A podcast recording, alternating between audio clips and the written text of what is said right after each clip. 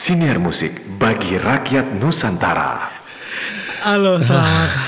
Selamat jumpa lagi bersama saya Alvin Yunata dan Saya David Tarigan. di D- Siniar DNA.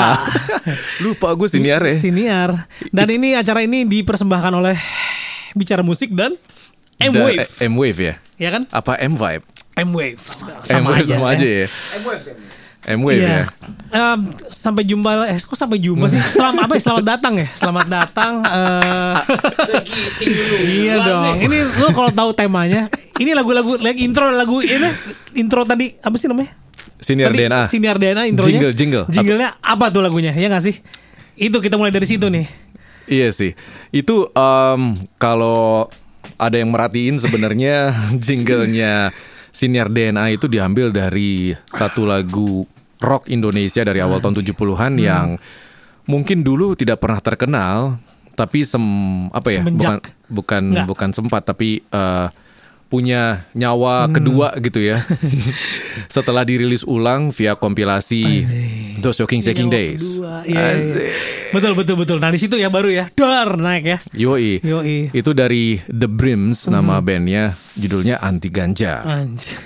Itu gitu ya Fit ya. Maksudnya kayak gue tuh aneh sih sama zaman itu banyak juga propaganda kayaknya dari sokol pemerintah make pemain band bawain yang anti anti narkotik tapi lagu-lagunya gitu ya. Lagu-lagunya malah teler-teler gitu ya. Kenapa ya? Ya, kenapa sih?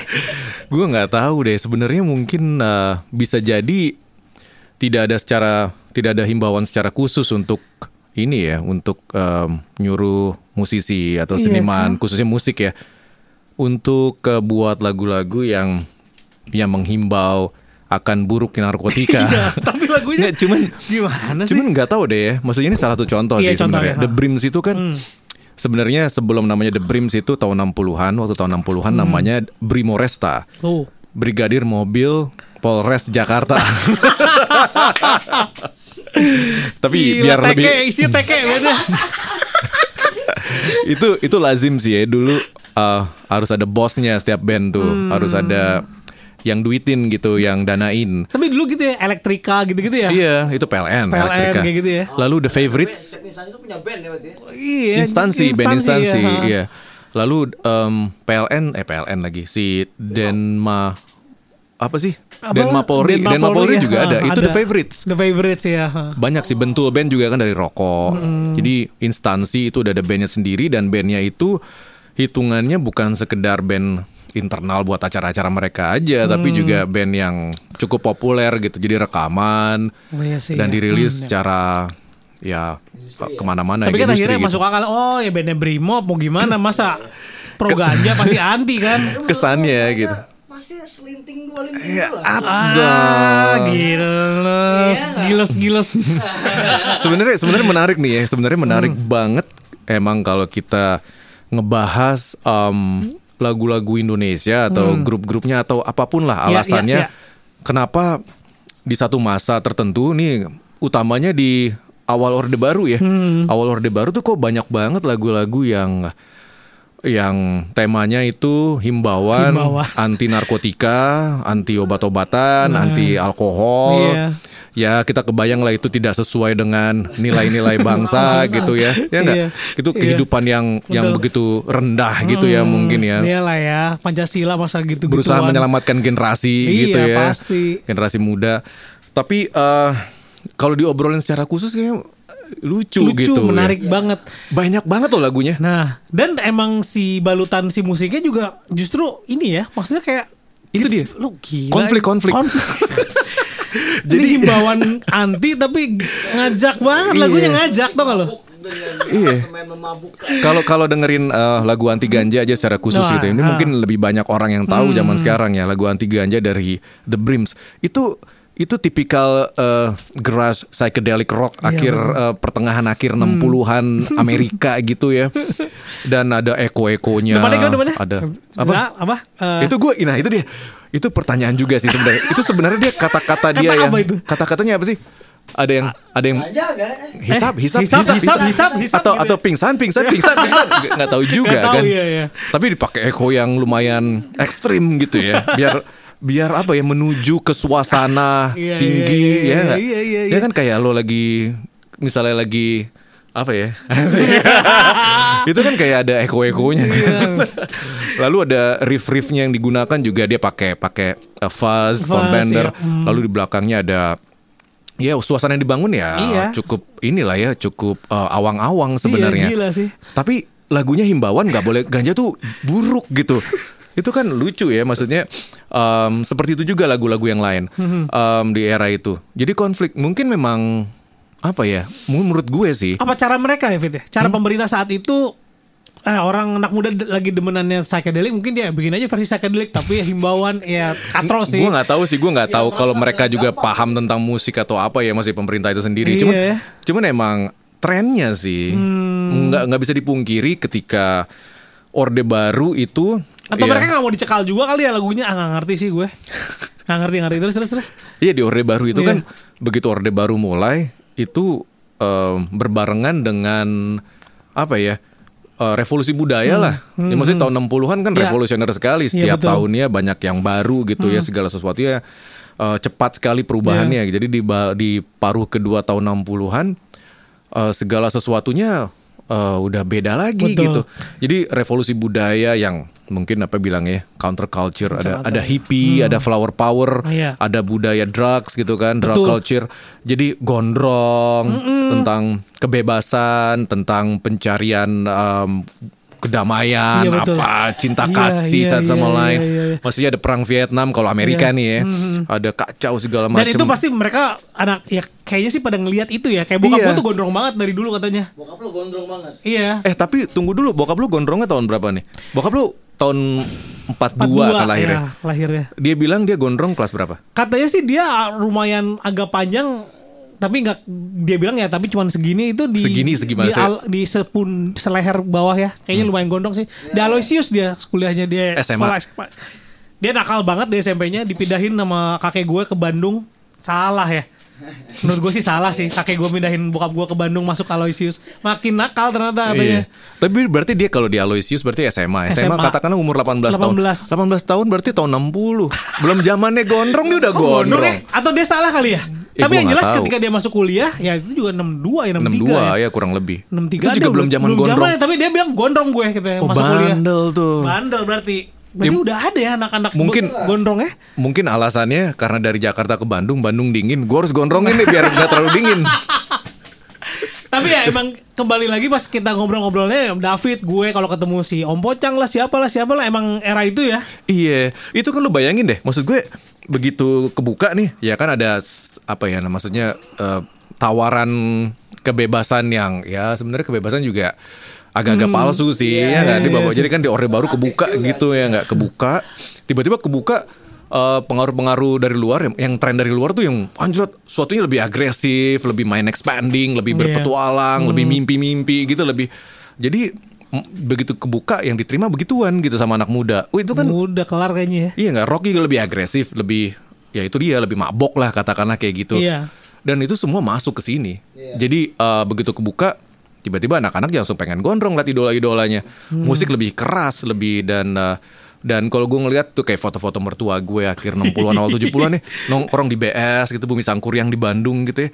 Terus cewek-cewek gak pada nggak pakai BH atau nggak? Eh beneran kayak, ini kayak kayak di luar negeri nih. Wah, kalau di luar negeri kan ada demo-demo yang Iya. bakar BH gitu ya, bakar bra ya. Di, ya diambil juga kayaknya pengaruhnya ke sini gitu. Jadi semuanya ada sih. Hmm, Iya, iya. Jadi nggak nggak nggak heran kalau rambut gondrong, musik rock yang lebih Betul, agresif dan betul. Hmm. lebih berpetualang, lalu juga drugsnya gitu ya. Ide tentang drugs eh, itu kan ada di mana-mana gitu ya, tereksploitasi gitu Iya, secara iya. massal gitu Iya lewat sih. lewat karya-karya musik, lewat visual gitu, with psychedelic ke optic art, Iya. psychedelic Iya, art gitu iya, kan. iya. Itu kan ide dasarnya kan dari LSD lah, dari acid, dari segala macem gitu. Iya, betul. Enggak, drugs jadi berperanan penting gitu.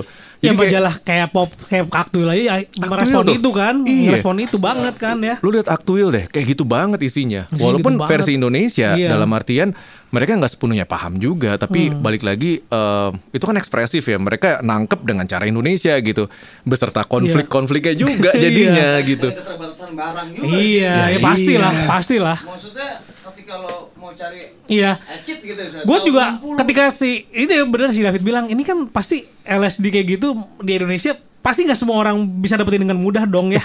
Tahu nggak? Gue baca nih, gue baca, iya apalah buku tentang psychedelic era lah. Itu yang tahu LSD atau enggak yang bener-bener bisa pakai LSD itu eksklusif banget Iya juga kan? gitu kalangan tertentu misalnya kayak Wajar sih. kayak si ininya lah ya nabinya tuh Timothy Leary gitu ya ya temen-temennya aja orang-orang sekeliling Iya sekelilingnya betul. aja Lu kepikiran di Indonesia lagi gimana? iya, di sana aja tuh ya kayak hippie gitu pakai asid yang enggak Dan semuanya legal juga di sana kan. apa Belum belum jadi ilegal kan saat itu eh, acid saat itu. enggak karena baru ya baru jadi, ya pertemuan jadi baru kan? Iya belum.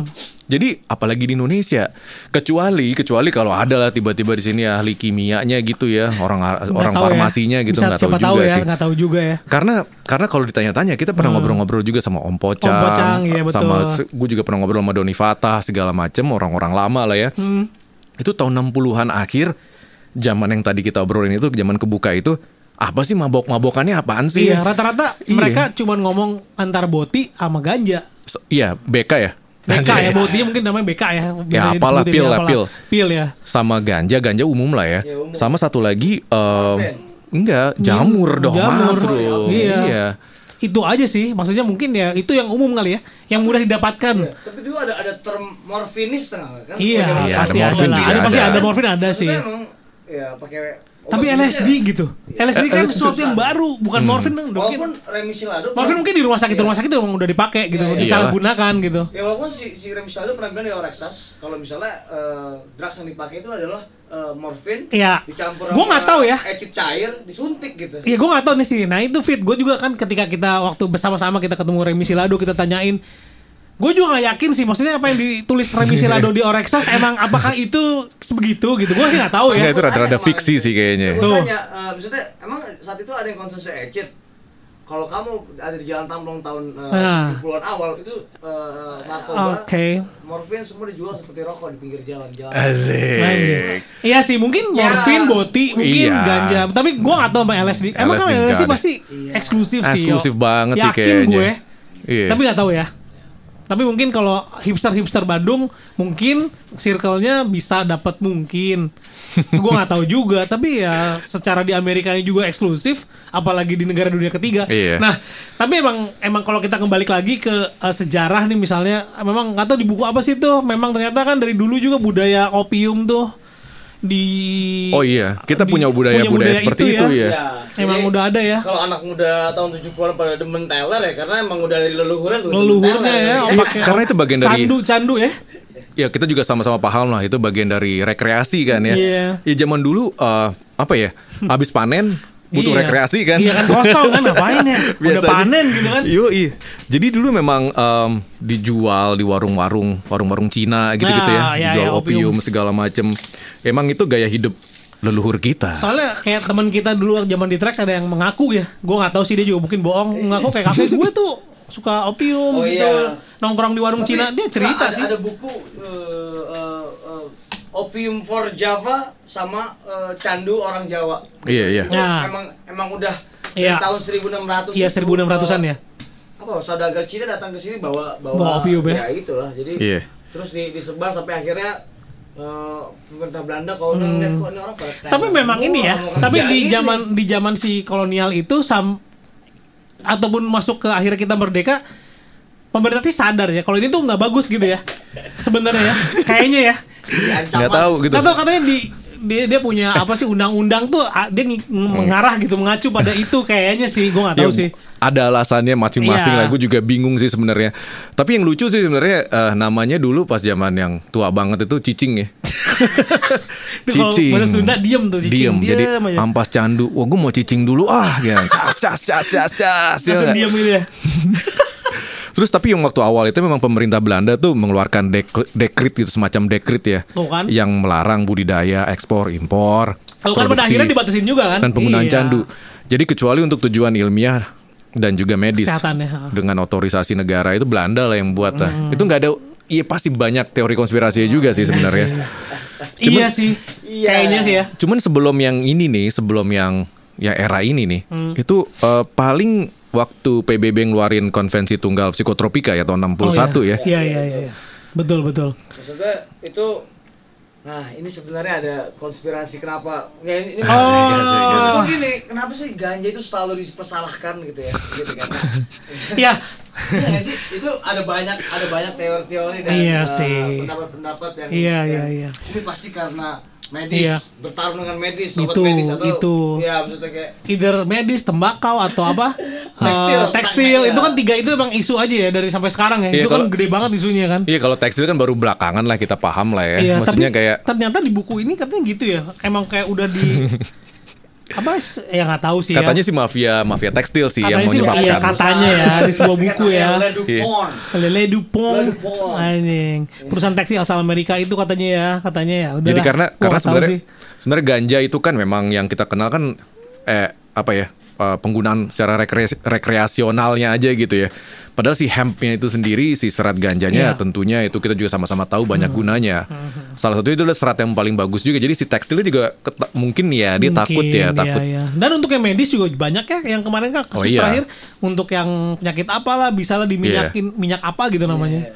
Makanya ya anyway lah. makanya dia pengen Tapi membasmi sampai akar-akarnya. Semoga semuanya harus hilang jadi ya. Tapi pada akhirnya eh, ganja, narkotika, musik rock Hmm. ancaman buat negara ya di tahun 2021. Harusnya sih gitu ya melihat Makanya. kita kumpulin lagu-lagu yang uh, himbauan-himbauan anti narkotika ini kan banyak. Iya.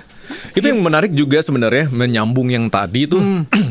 adalah larangan rambut gondrong sih sebenarnya, razia Iya, rambut gondrong. nyambung Jadi ya. Ya balik lagi tadi eh, kita ngobrol tentang nongkrong-nongkrongnya mereka Asik, gondrong-gondrong nggak pakai BH. Pasti dia curik Oh, sih. ngeganja-ngeganja Anjing, gitu ya, dong. Dengerin- Selokip selokip pasti kayak anjing apa nih? Gondrong-gondrong ngumpul gitu dari dulu ya. dengerin psychedelic rock atau apa segala macem. Nah, tiba-tiba waktu itu em, pemerintah Indonesia tuh ngeluarin impres ya. Iya benar. Iya kan? Impres nomor 6 tahun Iya. 71. Ini terkenal nih ya. Hmm. Jadi eh, sampai dibuat Bakorlak gitu ya. Bakorlak tuh Badan Koordinasi eh, Pelaksanaan Oh, ya. iya, betul.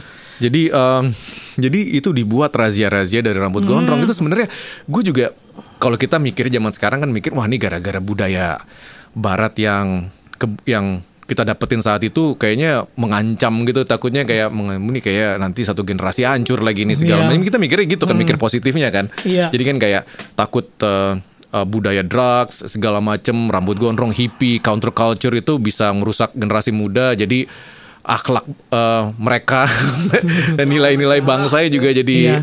Memudar dan Betul. segala macam kalau itu waktu- kalau nggak salah eh, Sumitro bilang apa waktu itu Ya, eh, pokoknya kalau orang gondrong itu akan selalu identik dengan orang-orang nggak acuh. Asik. Oh, Cuek dia ya? cuek, Cuek ya sama berarti ya? Ini ya negaranya. Tinggal semua. gitu. Pancasila tuh bakal dilupain main gondrong-gondrong. Tapi, tapi emang kayaknya sih kayaknya nih kalau Remy cerita waktu kita wawancara tentang setahun 71 ini memang kayak dia tuh ngomongnya emang oh di mana razia di mana-mana gitu ya. Iya. Eh, memang ada sih si YouTube ya yang ngeliatin Ya, ada apa dokumenter apa Tapi ya gua- gua dokumentasi itu terjadi sih karena mungkin pemerintah juga parno juga ya ngelihat Mungkin "Oh, parno juga, kok, iya. Ini nggak bukan masa depan Iya. bangsa nih ini Iya sih kali ya, iya lagi Iya, kali. cuman iya. cuman emang seru sih sebenarnya adalah prakteknya ini kan sebenarnya em, sama kayak lagu ngak ngok gitu prakteknya sebenarnya di di lapangan seperti apa Iya, gitu. Ini iya. kan kita juga bertanya-tanya dulu prakteknya seperti apa. Ini ada bukunya sih tentang yang ini ya. Oh, iya. Itu lo cari aja judulnya gue lupa. Cuman emang kita dengar biasanya cerita-cerita dari eh, hippie-hippie lokal nih. Musisi-musisi ya Iya, nggak? Om kayak Pocang tuh. Om Pocang. Dia cerita kayak memang benar ra- razi- razia di mana-mana. Hmm. Sampai kalau nggak salah dia pernah cerita juga yang rollis sampai dia apa namanya? Nyelam di kolam. Di kolam, Pakai ya. sedotan gitu Pakai sedotan ya. Biar nggak biar nggak ketahuan ra- razia gitu. Iya betul. kucing-kucingan lah ya Kucing-kucingan gitu.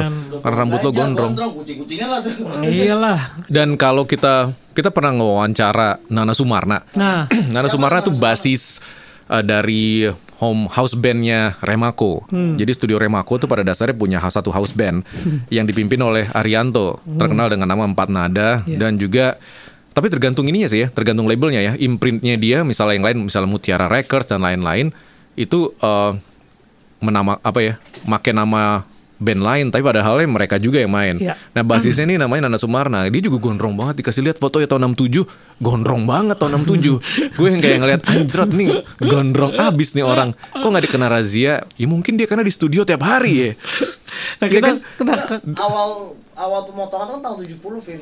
Iya makanya. Iya. Jadi tapi dia memang dia bilang sih Enggak saya nggak ada razia ini karena dia di studio mulu iya kali, kali, ya. iya kali. Emang razia tuh kayaknya di tempat tertentu aja kali ya. Atau Tapi emang nggak tahu ini sih. kali citra pemerintah aja kali. Jadi di, di media tapi sebenarnya cuma sekali dua kali Hmm. di foto di koran menyebar gitu misalnya. Iya?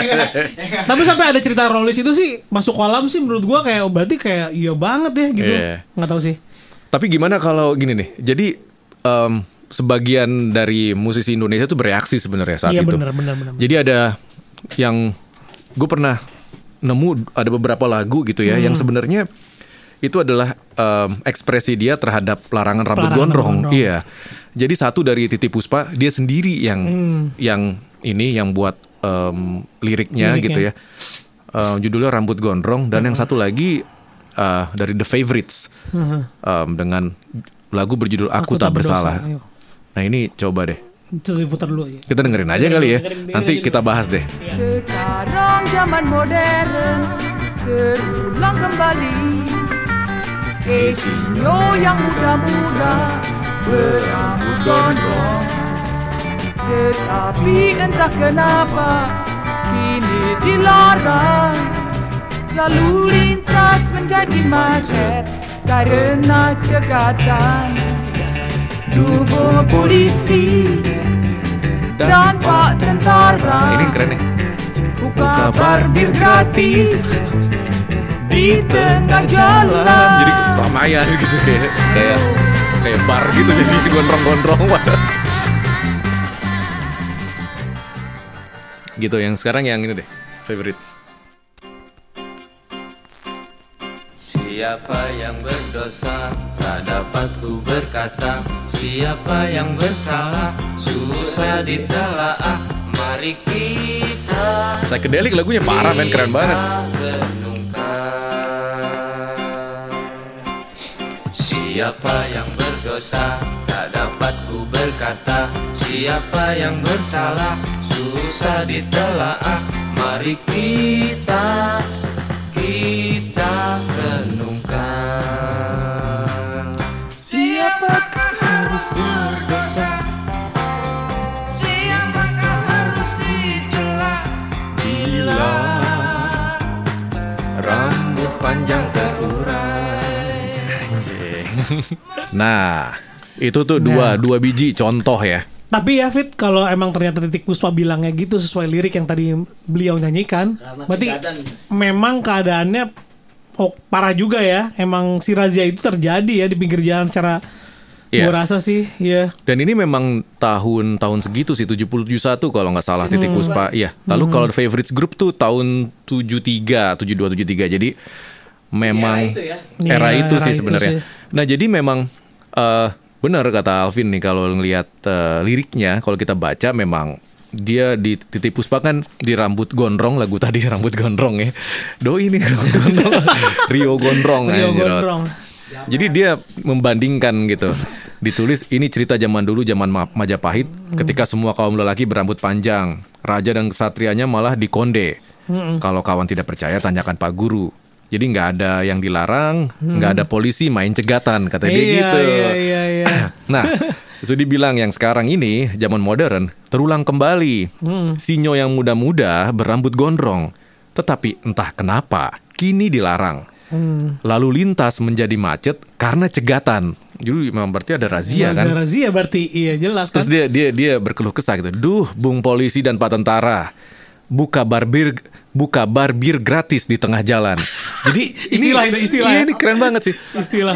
Ya. Jadi kayak Istilah. dia kayak polisi dan pak tentara seperti ngebuka bar ngasih bir gratis di tengah jalan gitu. Para anak gondrong semua nongkrong. semua nongkrong kayak wah nunggu giliran gitu. Ini ini menarik sekali sih liriknya nih.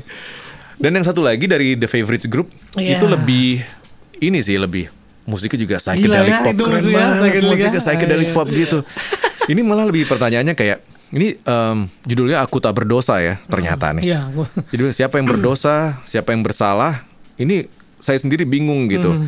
Eh, siapa yang harus dicela? Eh, ini salah siapa? Rambut Iya, saya iya, gondrong iya, iya, gitu. Dibilang gitulah. Mengapa tidak direstui gitu? Hmm. Kalau pohon itu lebat daunnya, sama juga seperti rambut saya gitu. Udah diciptain Tuhan rambut gini, eh, kenapa gue dilarang gitu?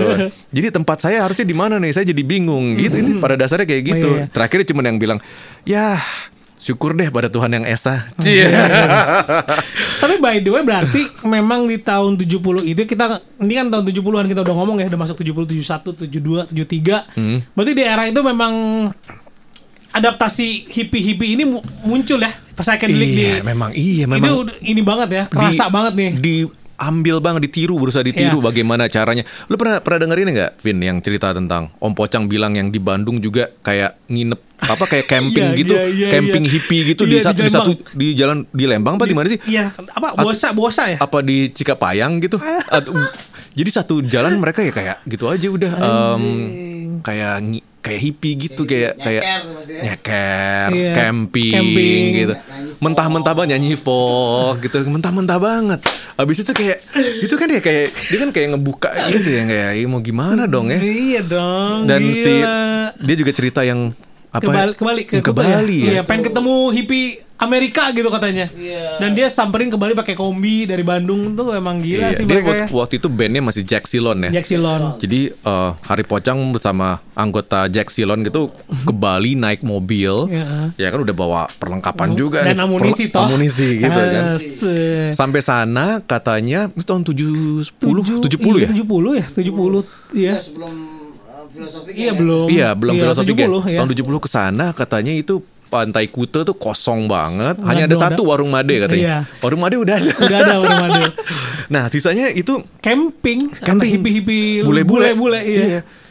Nah di situlah katanya dia ngobrol tukar-tukar pendapat ini Mungkin pikiran dari situ juga tadi kalau pertanyaan tentang LSD ya di bawah sang bule-bule itu mungkin. mungkin Ya, kan nggak tapi- tahu sih iya. gue nggak tahu sih nggak juga bule-bule itu juga kan nggak gampang dapat LSD.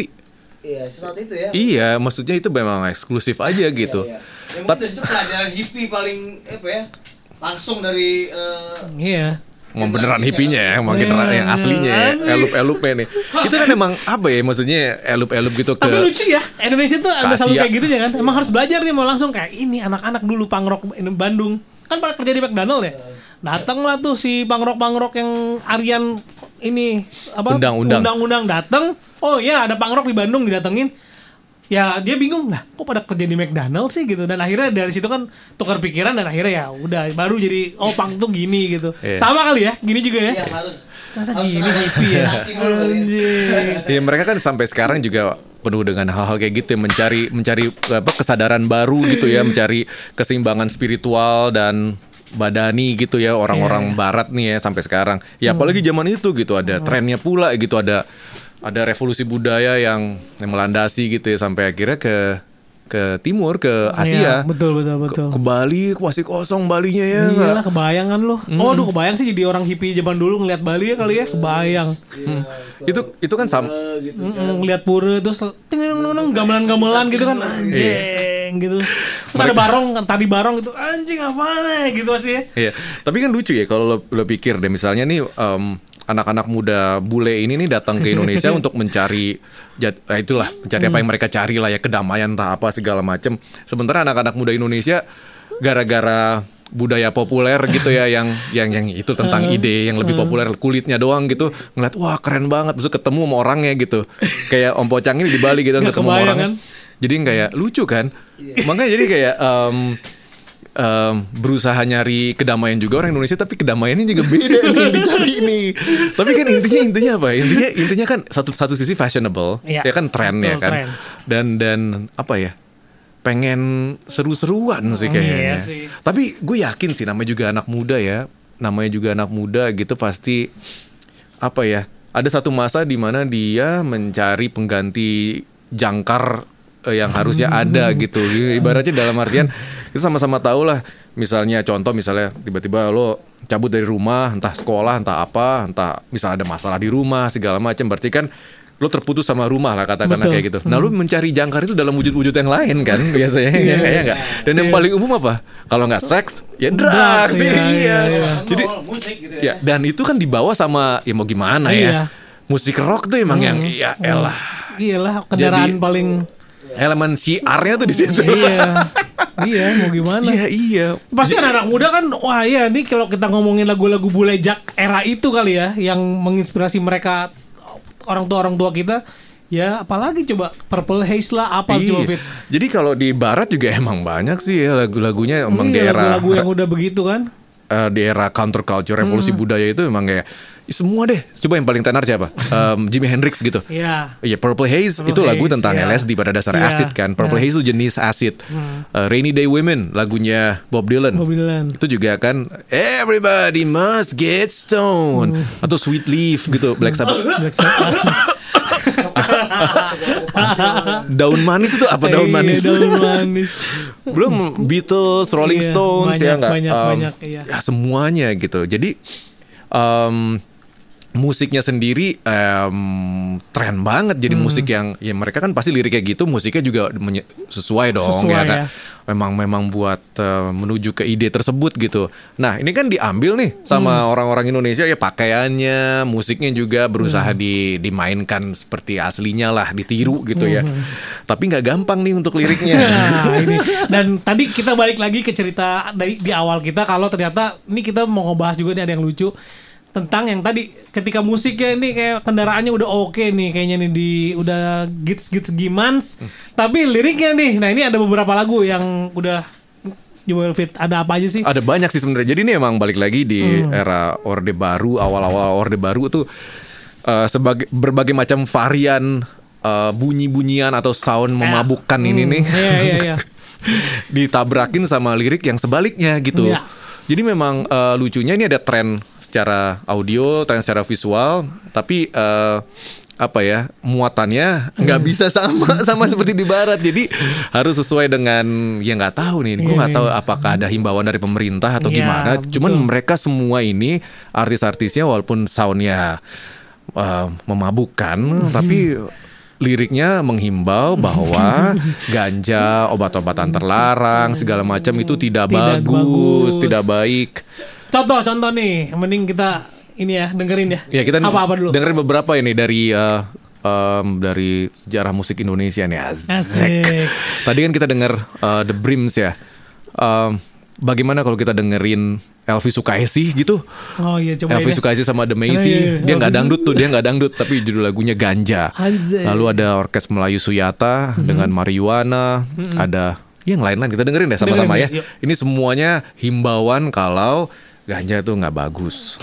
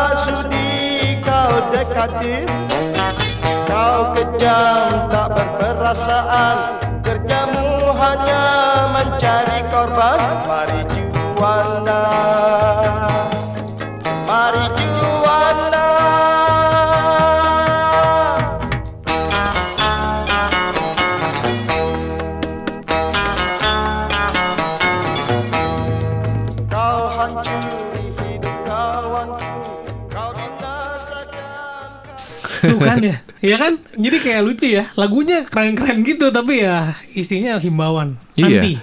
Waktu Jangan. lagi nyarinya ini juga seru sih sebenarnya. Kalau Iya. kalau kita kita ini ya, misalnya gue Iya sama dong. Alvin nih yang nyari ya. suka nyari piringan hitam Indonesia, kadang-kadang lo em, ke tempat-tempat yang tidak ada playernya ya untuk nyoba. Iya, jadi kan ngeliat ya mau ngomong ya. Mau nggak mau atau nggak lu, lu butuh cepet gitu, lu butuh cepet gitu. Aduh, ini gimana caranya? Jadi cuma ngeliat-liat eh, judul-judulnya aja kadang-kadang. Jadi lu berusaha ya pasti pasti Hmm. lucu nih, pasti lucu.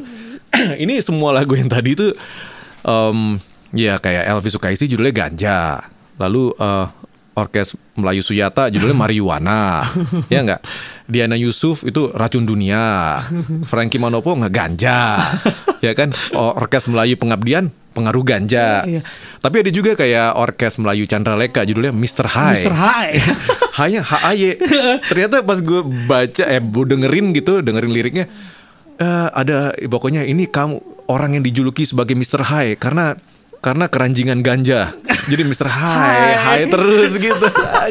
Eh tapi by the way Fit ini mah pasti udah bukan lagu populernya kan ya. Track-track ini kan. Nggak ada yang terkenal sih Iya gue kan? yakin. Bukan bukan jagoannya lah ya, bukan single radio lah ya. Udah pasti lah ya. Hah? Enggak lah. Enggak kan? walaupun Ini emang di, di- iya. disebarkan di radio gitu ya rekamannya. Nggak diputer Cuman nggak pernah diputer sih kayaknya. Ini kayak Orkes Melayu Suyata tuh marijuananya seru juga tuh. Dia ngejiplak paperback writer. paperback writer marijuana. Gila ya. Anjrot. Hampir semua yang gue temuin setidaknya gue temuin gitu ya yang tentang ganja, tentang alkohol, tentang drugs, lagu-lagu Indonesia dari masa lalu itu semuanya himbauan untuk ya jangan menggunakan ya zat-zat Iya. atau obat-obatan ter- tersebut gitu. Tapi eh, setelah setelah nyari-nyari nemu gue satu ada lagu. sih ya, ada sih Iya. akhirnya ya. Ada juga yang kayak wah ini eksploitasinya agak rada berbeda nih. Ini drug eksplo- eksploitasi ganjanya ini Iya iya iya iya. lebih cenderung Ada eksplo nih. em, selebrasi Iya nih kayaknya. ada nih yang beneran Ada, nih iya. gitu. Ternyata ada, gue juga kaget. Nah, yang menarik sebenarnya adalah Sebelum em, ke situ ya, sebelum ke situ ya. Eh, Iya, sebenarnya ini ada yang menarik. Jadi ya kita akhirnya gue ngelihat ada sesuatu yang apa ya, kayaknya cukup eh, penting untuk dibahas gitu. di ya di terutama untuk musik Indonesia ya. Iya. Jadi ada ada itu. ada dua hal gitu. Jadi eh, yang satu ini yang Hmm. tadi eh, lagu dari Ari Kusmiran. Iya. Nah, ada yang tahu Ari Kusmiran nggak? Lo Vokalis, iya. lo juga taunya dari piringan hitam Dari kan? Piringan Hitam, Gue iya. juga nggak tahu gue. dulu ya nggak tahu. Nggak tahu tadinya. Ya, zaman dulu gue apaan sih nih Ari Kusmiran? Ternyata Ari Kusmiran itu em, tahun 70 dia waktu umur 12 tahun dia juara jadi penyanyi pop eh, terbaik Jawa Timur. Gila, umur 12 tahun langsung dia direkam sama Remako. Nah, di tahun 72 kalau nggak salah dia merilis album. Nah, salah satu lagu di album tersebut itu judulnya Langit Ketujuh. Nah, ya. Ya kan, wah waktu gue lihat kan langit ketujuh. Ya mungkin mimpi-mimpi nih ya, anak kecil men. Jadi pas tahun 72 dia kan umur 14 lah kurang lebih. Lalu waktu lagi gue denger lagunya, wah kok rada-rada psychedelic gini nih. Dan dia ngambil, ya tipikal lah saat itu ya, dia ngambil eh, elemen dari lagunya di Purple. Purple. Lagu Fools dari album Fireball. Asik. Jadi em, ini kayak setahun kemudian ya diambil elemennya Lalu uh, Ari Kusmiran uh, jadi vokalisnya Langit Ketujuh, karangan Hamidan. Nah, pas gue pas gue ini gue dengerin lagunya, ih, nah ini lagu ganja nih rupanya nih ya. Hmm, ya ya ya. Tapi gue perhatiin lagi ternyata ini beda sama lagu-lagu ganja yang lain. Loh, kok ini enak banget ya? Kayaknya nggak ada yang Nggak ada larangan-larangannya. nggak ada himbauan-himbauan untuk tidak menghisap ganja gitu. Jadi eh, nanti kita dengerin deh ya, Iya, sama-sama ya. sama-sama. Tapi pada dasarnya ini kita eh, apa ya? Gue kaget gue menemukan wah gila ini sih la- lagu tentang enaknya menghisap ganja pada dasarnya Betul. gitu. Dan yang itu fit yang gue menarik yang yang akhirnya lu yang ngasih tau gue sih sebenarnya. Ini emang pertamanya kan si David yang nemuin nih. Hmm. Udah gitu baru nyebar nih ke yang geng si Jalsur zaman itu tuh. Geng Jalan Surabaya. Eh, lo dengerin deh, cari yang ada Gesmiran, ada langit ketujuh. Itu udah kode langsung tuh. Langsung kita kan pada nyari semua kan. Hmm. ya memang pas udah ngedengerin kayak dan lu cerita kan eh ini tuh tahun segini ini, ini masih kecil nih ya penyanyinya emang kan mukanya ada kan di cover ya Iya. iya ini masih kecil ya gitu 14 tahun ya ternyata ya 14 pada tahun. saat itu ya Iya, 14 tahun perempuan menyanyikan lagu tentang menikmatnya mengganja. lu kebayang ya Kebayang dong. Tahu nggak dia tentang ganja anak kecil Enggak, men. jadi gue pernah nih ketemu Ari Kusmiran, gue tanya kan. "Eh, mbak itu eh, lagu langit ketujuh tentang ganja mbak aduh dia langsung gini aduh itu gara-gara Hamidan tuh saya waktu kecil nggak ngerti liriknya tentang apa katanya hmm ini menarik kan Menarik. menariknya dalam artian dia lagu langit ketujuh ini sama juga dengan lagu dengan darah puspita mungkin menurut Iya, gue ya iya, nanti iya. kita juga bisa ngebahas itu sih ah, setelah denger lagunya kali ya Ya.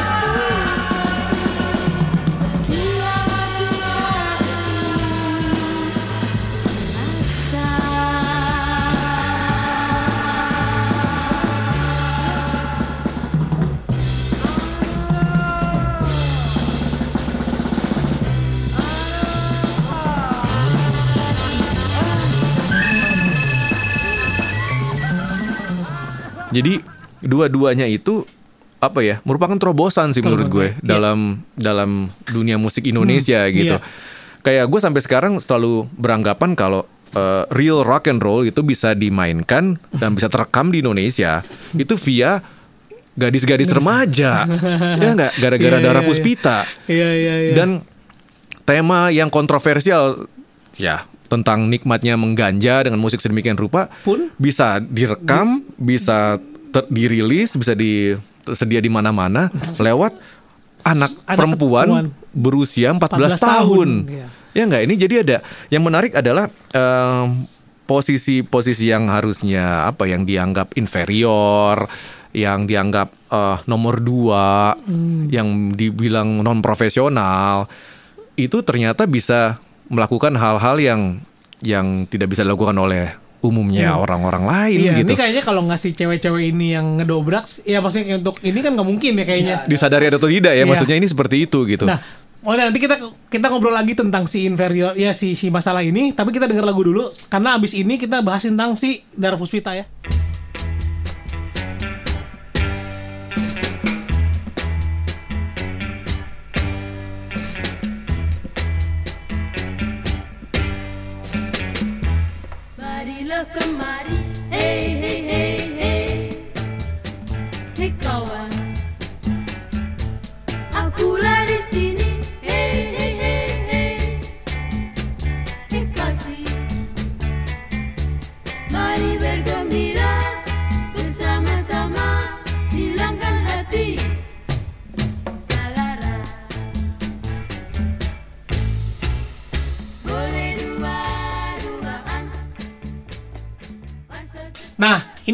Menarik kita lanjutin lagi nih tentang yang kata ta- tadi David, lu gue pengen lu detailin lagi. Ini ini cerita kenapa Iya, nih misalnya nah, si cewek-cewek ini ternyata yang bisa mendobrak uh, Iya. rock and roll masuk ke Indonesia. Cerita dari berarti dari itu dong, lu harus cerita ini dong. Darah. Puspita Darah ya. Dong. Ini lucu sih sebenarnya ceritanya, menarik banget. Hmm. Jadi em, eh, Darah Puspita itu meminta ke Titik Puspa lagu Mari Mari. Lagu Mari Mari ini kan karangan Titik Puspa. Hmm. Jadi mereka mintanya waktu lagi konser. Lalu em, waktu itu memang belum direkam sama Titi Puspa. Akhirnya ya mereka rekam menjadi lagu pertama di album debut mereka. Tapi menarik kan eh, sebenarnya adalah salah satunya adalah intronya kan, riffnya itu gitu. Itu signature riffnya dari I Can Get No Satisfaction-nya The Rolling Stones gitu. Iya, iya, iya. Waktu pertama kali gue denger sih, gue pikir ini hanya salah satu praktik eh, apa ya, jiplak menjiplak atau mengambil eh, breaks atau riff-riff Yang biasa dilakukan oleh musisi-musisi era itu ya. Iya, jadi utamanya dari band-band atau grup-grup musik Hmm. musisi negara dunia ketiga atau enggak em, grup-grup musik yang yang yang ini lah kelas B gitu lah ya. Iya, dan itu Yang terjadi memang ya, di mana-mana mana-mana ya, di iya. mana-mana ya. Dan itu mungkin memang maksudnya biar apa ya, biar nggak ketinggalan tren juga Iya atau kali. mungkin juga homage dari terhadap Iya. eh, pahlawan-pahlawan mereka itu Iya, semua gitu. Gue mikirnya gitu Darah Puspita kan. Sekedar itu tadinya ya? Ya, nih salah satu dari itulah. Ternyata ada cerita itu. seru di balik itu ya. iya.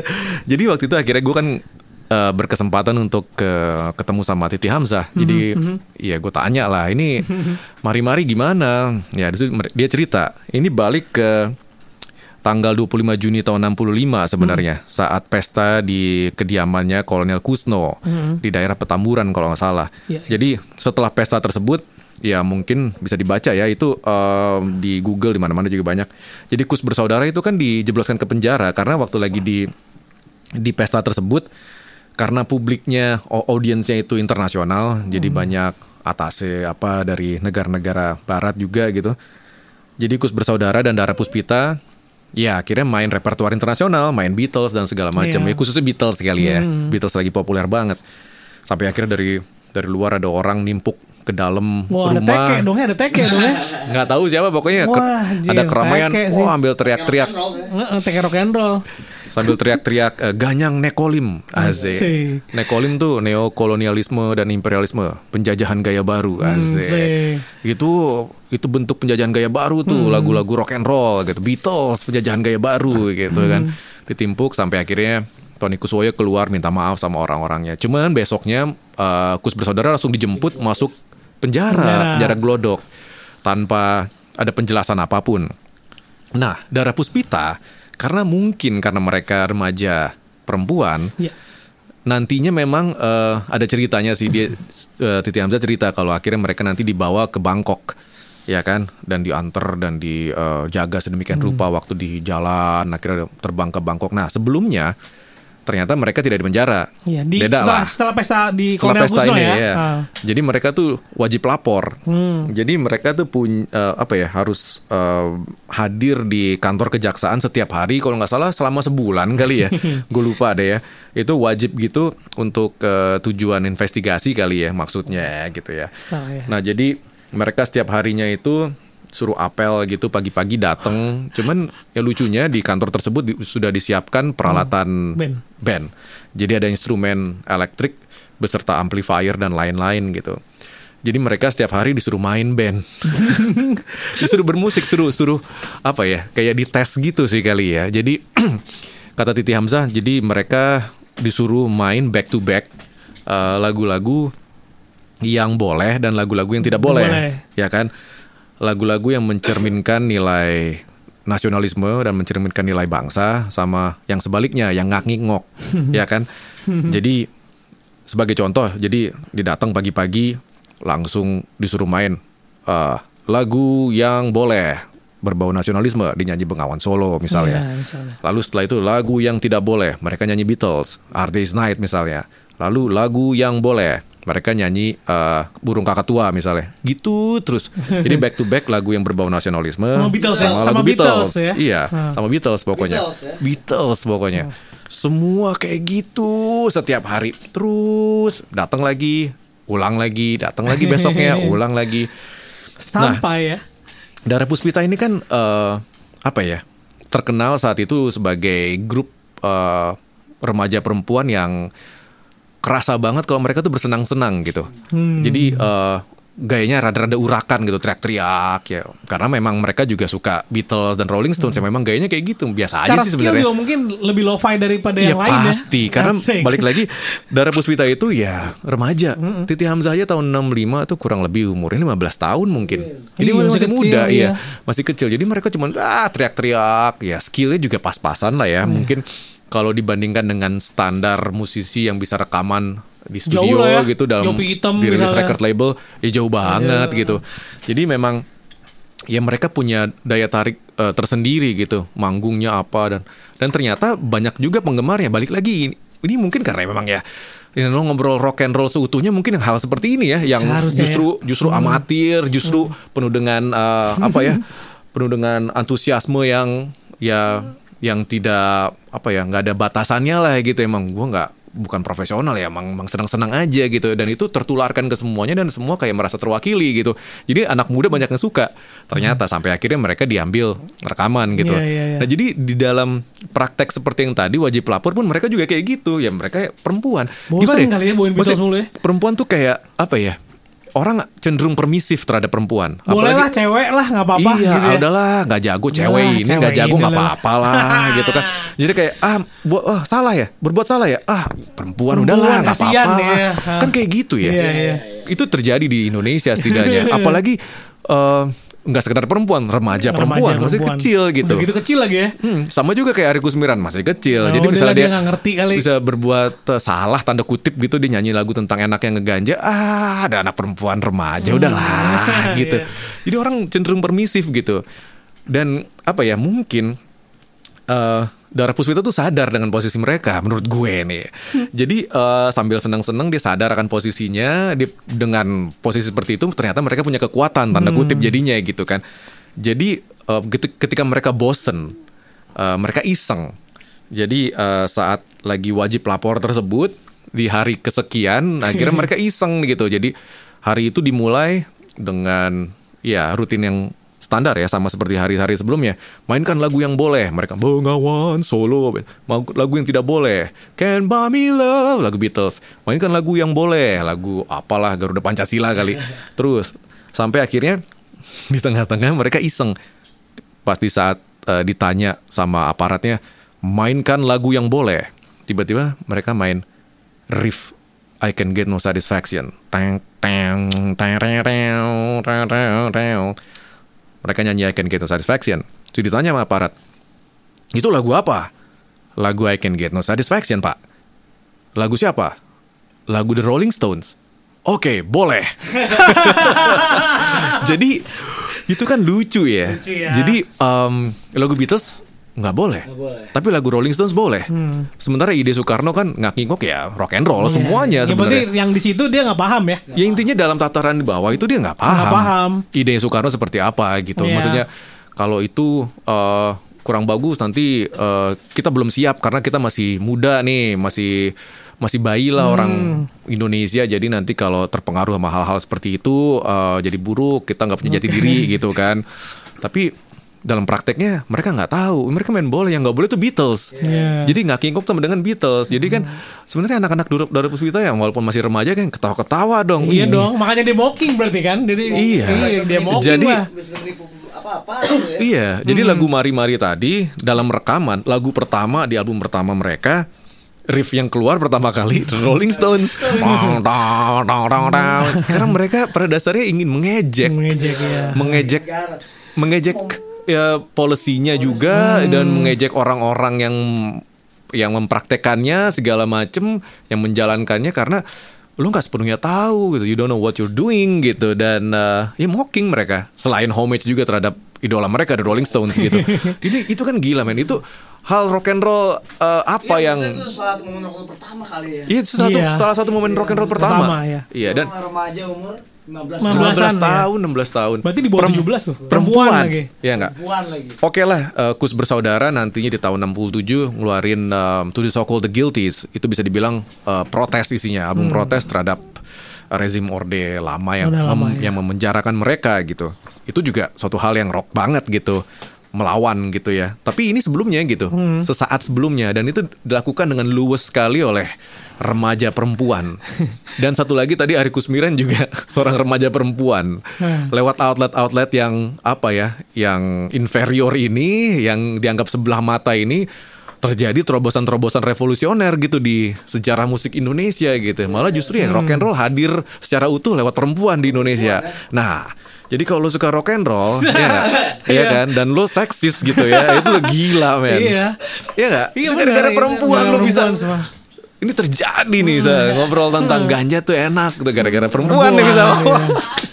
Tapi by the way, kalau Sirio sempat mention kalau dulu semua orang akrab dan bebas gitu katanya membicarakan ganja enggak juga sih. Sebenarnya enggak juga. Tet- Menurut gua tapi menurut gue tabu sih, tetap tabu kok itu tuh. Sama Ya, dari ini- dulu juga menurut tapi gue ya. Ini sama seperti ngomong Enggak, rada mirip sama ngobrol seks sih sebenarnya. Menurut gue sih. Ya, Iya enggak? ya, Iya enggak? Lu sama orang tua juga sebenarnya kayak Iya. orang tua lu ya ya tahu setidaknya tahu walaupun dia nggak pernah nggak menghisap ganja dulunya, tapi kan ganja seperti rokok ya dulu kayak di Iya. mana-mana apalagi belum saat zaman dulu maksudnya dia punya kita punya tradisi eh, dengan itu gitu iya, bukan tumbuh tiba-tiba gara-gara gara-gara pengaruh barat gitu enggak emang ada Iya, karena emang ada. emang emang tumbuhannya ada di sini gitu Iya. heeh. Dan emang budayanya juga udah ada kan ternyata. Dan kalau emang kenapa sekarang jadi ribet nggak juga sih. Emang karena peraturan sih menurut gue. sebenarnya semua karena peraturan. Karena semua peraturan gue rasa mas, misalnya apa sih regulasi yang tahun berapa yang terakhir yang akhirnya dijadiin golongan satu Eh, oh iya itu tahun 97 kalau nggak 97 salah. ya? Kalau tahun 76 kan memang eh, pertama kali itu udah ada tuh peraturan kepemilikan narkotika. Uh, tapi kan Undang-Undang nggak nomor ada 9. ini golongan satu, golongan dua Nggak nggak ada, nggak ada. ya semua umum ya. Sampai pada tahun 97 97 itu Iya kan? digolongkan sebagai eh, psikotropika berarti kan barang Iya. terlarang gitu Iya, ya. tapi Emang ganja psikotropika? ya dia anggapnya kayak gitu golongan satu. Oh, iya. golongan satu, Ya, iya. dia- dia anggapnya seperti itu. Iya. oleh- Dan oleh itu memang peraturan itu terus berjalan kan. Terus Terus berjalan, terus ada gitu. mau jadi ketat, jadi tambah ketat sampai Iya. sekarang makin ngeri kan sekarang ngeri banget sekarang. 2009 ya, kita punya undang-undang eh, apa psikotropika yang lebih aman terbaru ya 2009. 2009 ya. Oh, itu Yang- udah makin ngeri itu tuh. Yang udah yang udah ada hukuman mati buat eh, bandar. Iya, Kalau bandar seribu gawan di penjara nggak? Undang-undang nomor 35 eh, Ya golongan satu apa aja? 2009. Golongan satu apa aja? Apa aja golongan satu? Sabu. Oh, sama ya tuh ya. Ganja. Apa lagi ya? Heroin kali ya? Putar Nggak ya? tahu. Nggak tahu. Nggak Iya, nggak apa lah. Kalau cuman kayak kiranti-kiranti gitu santai. Kiranti. Obat mens gitu mah santai lah. Obat ya, ya gitu lah tadi ah, lucu ya cerita sekelumit tentang ad- eh, ya tadi dari budaya populer masuk lah Iya. lalu ada akhirnya muncul apa tadi lagu-lagu yang menarik ya cerita-cerita menarik dari lagu-lagu di balik dari rambut gondrong sampai anti ganja Iya, sampai Tembang anti ganja nasional. Asik. Sebenarnya eh, tapi masih ba- masih banyak kan sebenarnya masih banyak iya. lagi dan ya kebayang kan sama lu semua bahwa ternyata masih banyak berarti Masih banyak kayak di Indonesia. Ya itu umum aja. tapi gitu. tapi setelah setelah anomali ya sih. udah mulai dari tahun 70-an ke belakang makin ke sini sih makin variatif gitu pengekspresiannya ya. Hmm. Ya kita juga sama-sama tahu lah lagu Jan- Januari Kristi melayang tuh tentang Memang, apa iya. gitu kan. Eh, memang pada akhirnya sih pada akhirnya sih ya udahlah ya maksudnya kayak tahun 90-an 80-an udah Cuman ya memang tidak ada yang langsung gitu. Hmm. Jadi nggak nggak ngomong ganja gitu nggak kayak Enggak kayak zaman dulu kan ngomongnya ganja judulnya ganja. Paling Enggak, kayak ya. stanza Iya, kan ya. aku suka mabuk-mabukan ya kan. Itu kan kayak ekspresi pribadi gitu yang yang tersirat dari apa yang tersurat. tapi Asik. tapi nggak tahu deh kalau kalau band-band apa ya yang mulai ada datang underground punk rock kayak gitu-gitu ada kali ya boin-boin lagu-lagu Ya mungkin karena ada kali ya kalau kayak Iya, gitu-gitu tapi sih ya. nggak secara harfiah Iya, gitu lagi sih ya. udah. Udah udah jadi Iya turunan sih. kesekian dari ekspresi Tapi mungkin aslinya. untuk yang mau akhirnya ke generasi-generasi berikutnya yang paling ini sih Bangkit Sanjaya mungkin ya. Lagu itu sih ya, daun-daun surga ya. Daun-daun surga. sih sebenarnya. Hah? Apa? Bang Sanjay ini orang unik sih sebenarnya. Kenapa? Orang unik tuh. Orang unik. Kenapa Ya, dia? Maksudnya eh, gua ada cerita pernah ketemu eh, temen gue pernah ketemu Bang Sanjaya di Dohai Pondok Indah. Ah, itu baru berarti.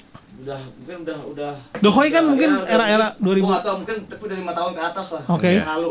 Nah mereka eh, teman-temannya itu jadi ada Bang Sanjaya dan teman-temannya itu. Ah. Eh, Bang Sanjaya lagi pe- lagi pengen nginek. Yo, mari. Dikasih lah tuh nginek atu-atu. Hmm. Ini apa coba? Hotel California. Wah, Wah, gila bisa ya? California maksudnya gue kayak anjing lu maksud gue ah, percaya tapi kalau ngeliat era dan umur ya bisa aja ya maksudnya gue gak tahu Ah, nggak tahu gue. ya mungkin dia Tapi gila sih itu. California. Ya, Teng, teng, teng, teng. Aduh, aneh ya. Bingung juga gue sih. Iya, nggak ngerti deh. Itu kan kenceng banget ya Inex ya.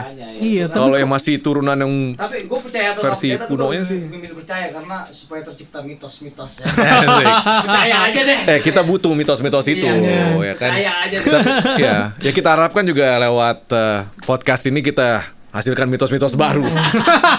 ya akan dihidupi oleh generasi-generasi mendatang gitu yang untuk untuk bisa ya apa kehidupan rock and roll terus terjaga gitu ya. Oke, udah kalau gitu kita dengerin lah dua lagu terakhir ya sebagai closing akhir tahun kita nih. homage ya buat Bangkit Homage Sanjaya buat nih. Bangkit Wah, Sanjaya. Dua lagu beliau Daun-daun Surga dan Tenggo berat. Bener tenggo berat aja kali kita dengerin ya. Mau tenggo berat aja? Iya, lu tau gak tenggo apaan? Tenggo tau gak singkatan dari apa? Lu dengerin lagu ya deh. Tengge dan bego. Anjir. Iya ya, untuk Daun-daun Surga lu cari aja kali Iya. banyak di YouTube YouTube. banyak tuh Coba Tenggo aja deh kita dengerin Iya, untuk dan- menutup Iya, dan buat kalian yang nantinya akan pesta-pesta saat Asik. ini ya, ya? perpindahan tahun ya. ya enggak? Ya pokoknya jangan terlalu tenggo lah. ya enggak? Ya enggak? Oke, kalau Nanti gitu, nggak balik nanti ya. nggak balik, bahaya Tahun nggak balik. 2020 masih stay di tahun 2019. Gimana Iya, dia dong? nggak balik kayak Liperi ntar. Pergi dan tak Iya, kembali, men. Nggak balik tuh Liperi. balik. Oke, kalau gitu thank you semua. Eh, selamat tahun baru 2020. Kita ketemu lagi mungkin ya di Siniar DNA di podcast berikutnya. Ya, pastinya di tahun 2020. 20. Dan terima kasih kepada M Wave dan juga Bicara Musik Dan saya David Tarigan. dan saya Alvin Yunata undur diri. Dah. Deh.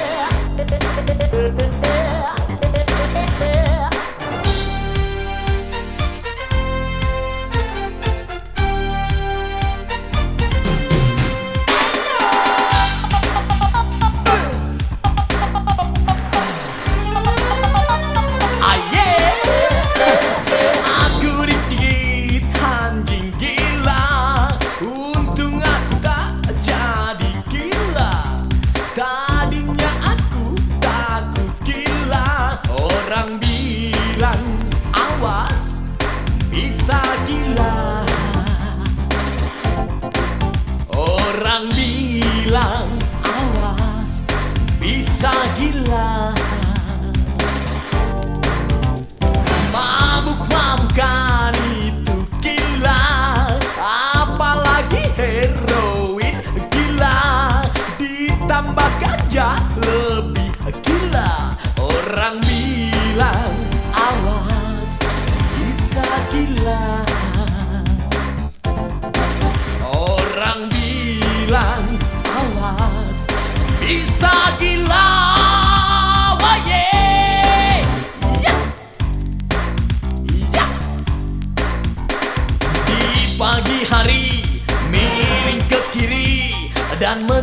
siang mata berguna. Ingin berjalan jiwa melayang. Di angan-angan yang terancam dan tergegar